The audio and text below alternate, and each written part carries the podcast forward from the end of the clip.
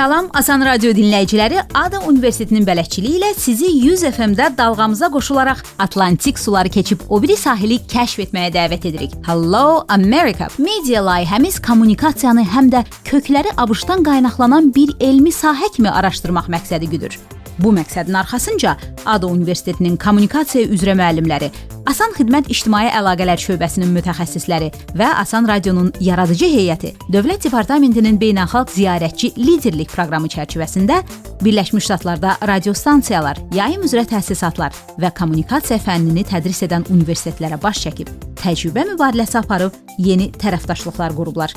Amerika radiosu barədə öyrəndiklərini bu gün dinləyəcəyik.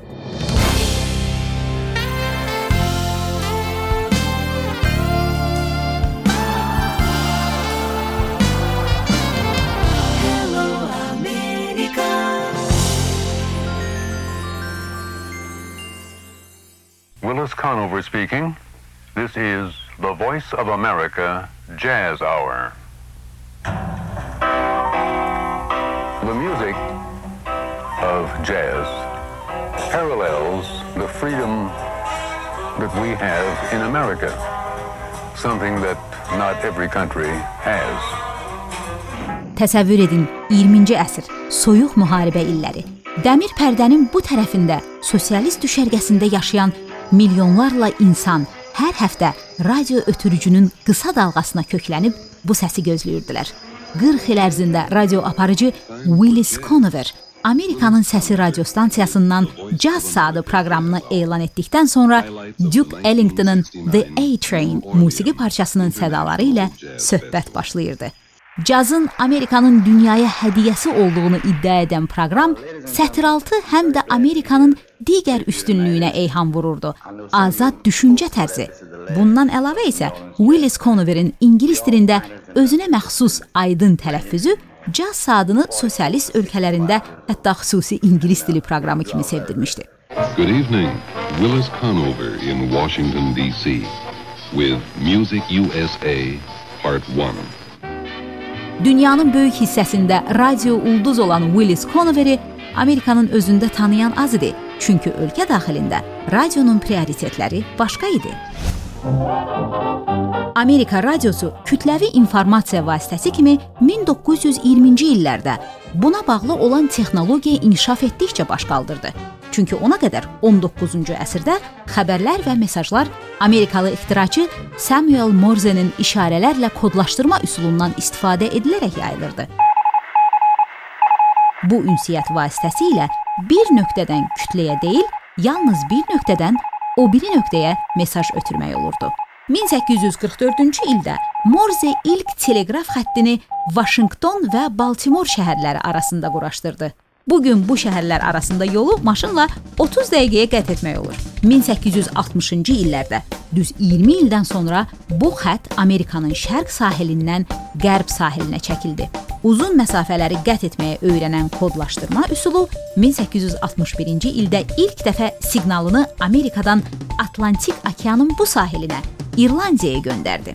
Morze texnologiyası nə qədər inqilabi olsa da, məhdudiyyətləri var idi. Məsələn, mürəkkəb dil kodları göndərsə də, insan səsini ötürə bilmirdi. Bundan əlavə, dənizdəki gəmilər mesajı yalnız bir nöqtədən alıb ötürdüyünə görə dünya ilə geniş mənada əlaqəsi yox idi. Müharibələr quruda bitsə də, dənizdə döyüşlər aylarla davam edə bilərdi. Simsiz teleqrafa ehtiyac var idi. Səsli yayımı mümkün edən isə elektrik lampasının ixtiraçısı Thomas Edisonun sabiq əməkdaşı, mühəndis Reginald Fessenden idi. Amerika dəniz donanması qüvvələrinə qoşulan və daha sonra General Electric şirkətində çalışan Reginald Fessenden 1906-cı ilin Milad gecəsində ixtirasını ilk dəfə nümayiş etdirdi. Massachusetts ştatındakı kiçik stansiyasından o ilk dəfə dənizə səsli mesaj göndərdi. Radio tarixçiləri bunu belə xatırlayırlar. Həmin gecə dalğada kimsə danışmağa başladı.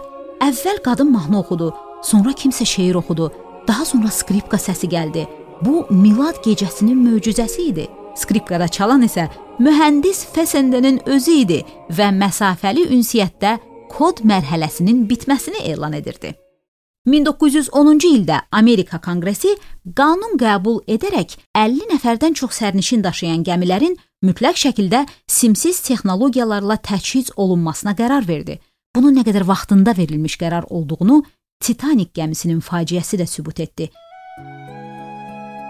1912-ci ildə Britaniya lüks gəmisi qəzaya uğrasa da, məhz simsiz texnologiya vasitəsilə Titanikin yerini müəyyənləşdirmək və köməyə çatıb hələ 700 nəfəri xilas etmək mümkün oldu.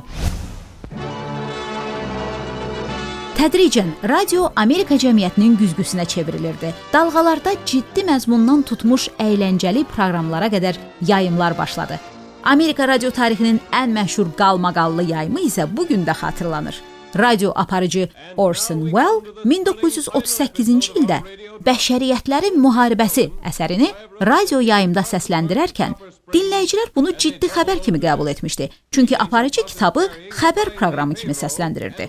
Proqramın əvvəlindəki elanı qaçıran dinləyicilər Marsdan gələn işğalçıların radio dalğalarından qorunmaq üçün başlarına sulu dəsmallar bürüyüb oktyabr gecəsində dəhşət içində küçələrə səpələnmişdilər. Proqramın yaratdığı ictimai xaos bir neçə saata aradan qaldırılsa da, yayıma nəzarət edən Federal Kommunikasiya Komissiyası proqramların məzmununun izahı barədə elanların sayını artırmağı tapşırmışdı. Texnologiyalar isə tərəqqini irəli aparmaqda davam edirdi. 1947-ci ildə Bell Laboratoriyaları şirkəti tranzistor yarımkeçirici radio qəbul edici icad etdi. Bu isə radio yayımı kiçik qurğularda tutmaq imkanı yaratdı. Beləliklə tranzistorlar radionu televiziyanın gedə bilmədiyi yerlərə, küçəyə, çimərliyə, ən əsası isə avtomobillə yola apardı. 1960-cı illərdə radio dinləyicilərin əksəriyyəti ona evdən kənarda qulaq asırdılar. İnternet radiosunun dövrü 1990-cı illərdə başladı və beləliklə dinləyiciyə məzmun üzərində tam nəzarət verdi. Pandora, Yahoo Music, Last.fm kimi internet radioları hamıya sevdiyi ifaçı və ya musiqi üslubuna uyğun məzmuna köklənmək imkan verdi. Tarixə qovuşacaq bir media vasitəsi yenidən doğuldu və bu dəfə gənc auditoriyanı özünə daha da sıx bağladı. Statistika göstərir ki, bu gün ənənəvi radio dalğaya gənc auditoriyanın 32% qulaq asırsa, onların 52% məhz internet radiosuna köklənir.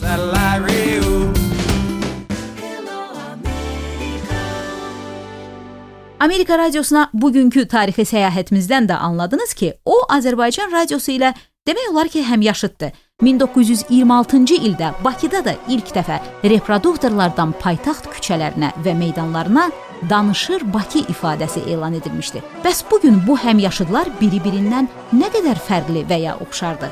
Həmsöhbətimiz Asan Radionun direktoru, müstəqil Azərbaycanın radio məkanında 3 stansiyanın yaradılmasında iştirak edən Emin Musavidir. Emin Dövlət Departamentinin IVLP beynəlxalq ziyarətçi liderlik proqramından yeni qayıdıb. Onu dinləyək. Səfərimiz çox faydalı oldu.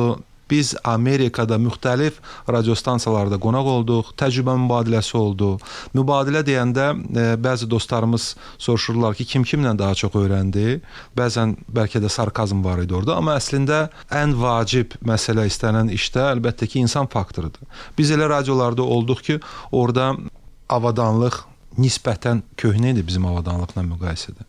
Bəzi radiolarda əlbəttə ki, müqayisə oluna bilməz dərəcədə proqressiv yanaşma var idi. Yenə texniki baxımdan elə radio var idi ki, ora milyardlarla büdcə xərclənilibdi. Məsəl üçün rəqəmsal radio Rəqəmsal radio bizim bölgədə ümumiyyətlə yoxdur. Amma orada 90-cı illərdən qurulmağa başladı. Peyk radiosu, necə ki biz Peyk vasitəsilə kanalları izləyə bilirik. Peyk radiosu da elə bu prinsiplə işləyir, amma avtomobillərdə xüsusi artıq qurğu var.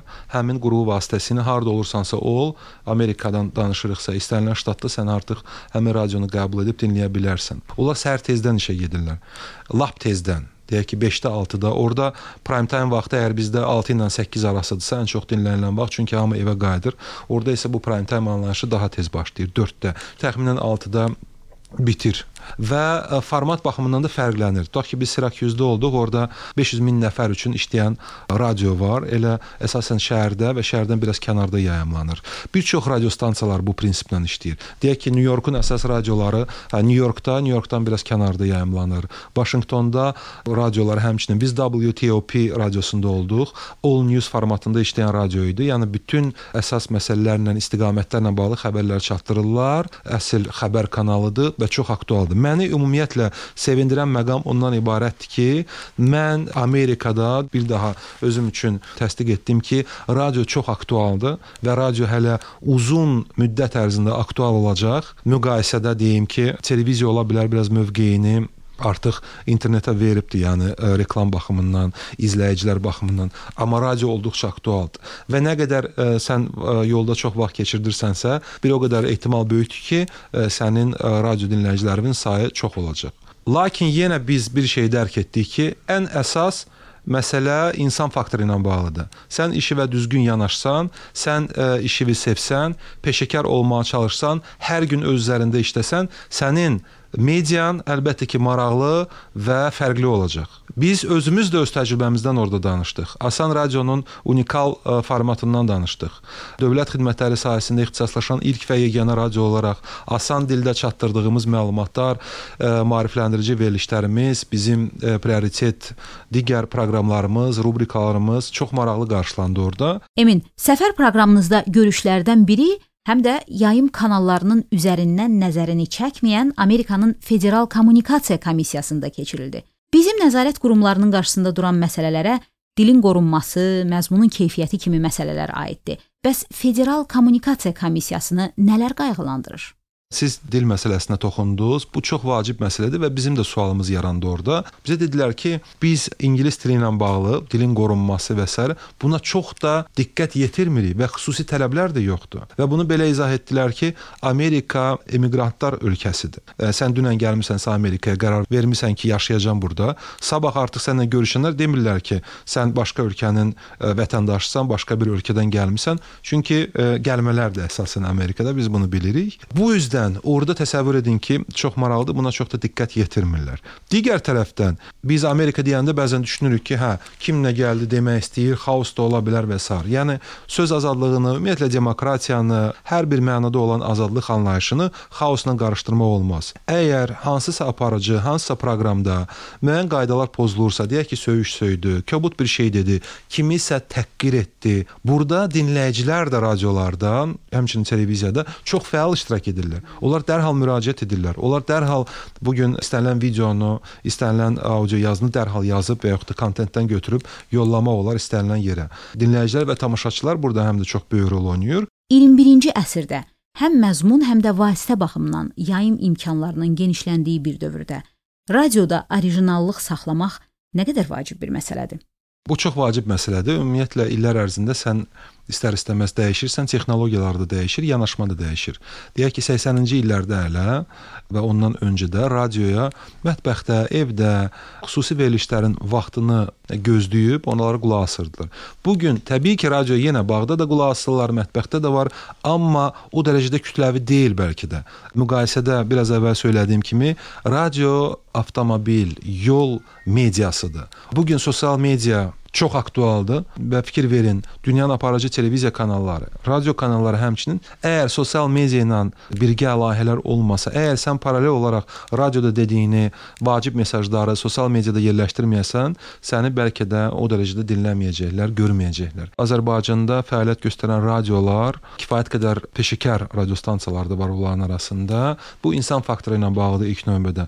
Bir otaqlı radiodan, cəmi bir otaq ofisin varsa, şərti olaraq deyirəm bunu, elə bir radio etmək olar ki, bunu hamı dinləyəcək. Və yaxud da 4-5 mərtəbəli sənin ofisin var, bütün şəraitin var, amma sən maraqsızsan. Amerikada, Afrikada, Azərbaycanda, Yaponiyada ən vacib məsələ insan faktorudur. Əgər sən öz işinə insafla yanaşırsansa, əgər sən dünya bu saat açıqdır, yenə də internet vasitəsilə biz hər şeyi öyrənə bilərik. Sadəcə olaraq informasiyanı düzgün işləsək, etibarlı mənbədən məlumatları alsaq. Dünya açıqdır. İstənilən ə, yeniliyi sən dərhal tətbiq edə bilərsən.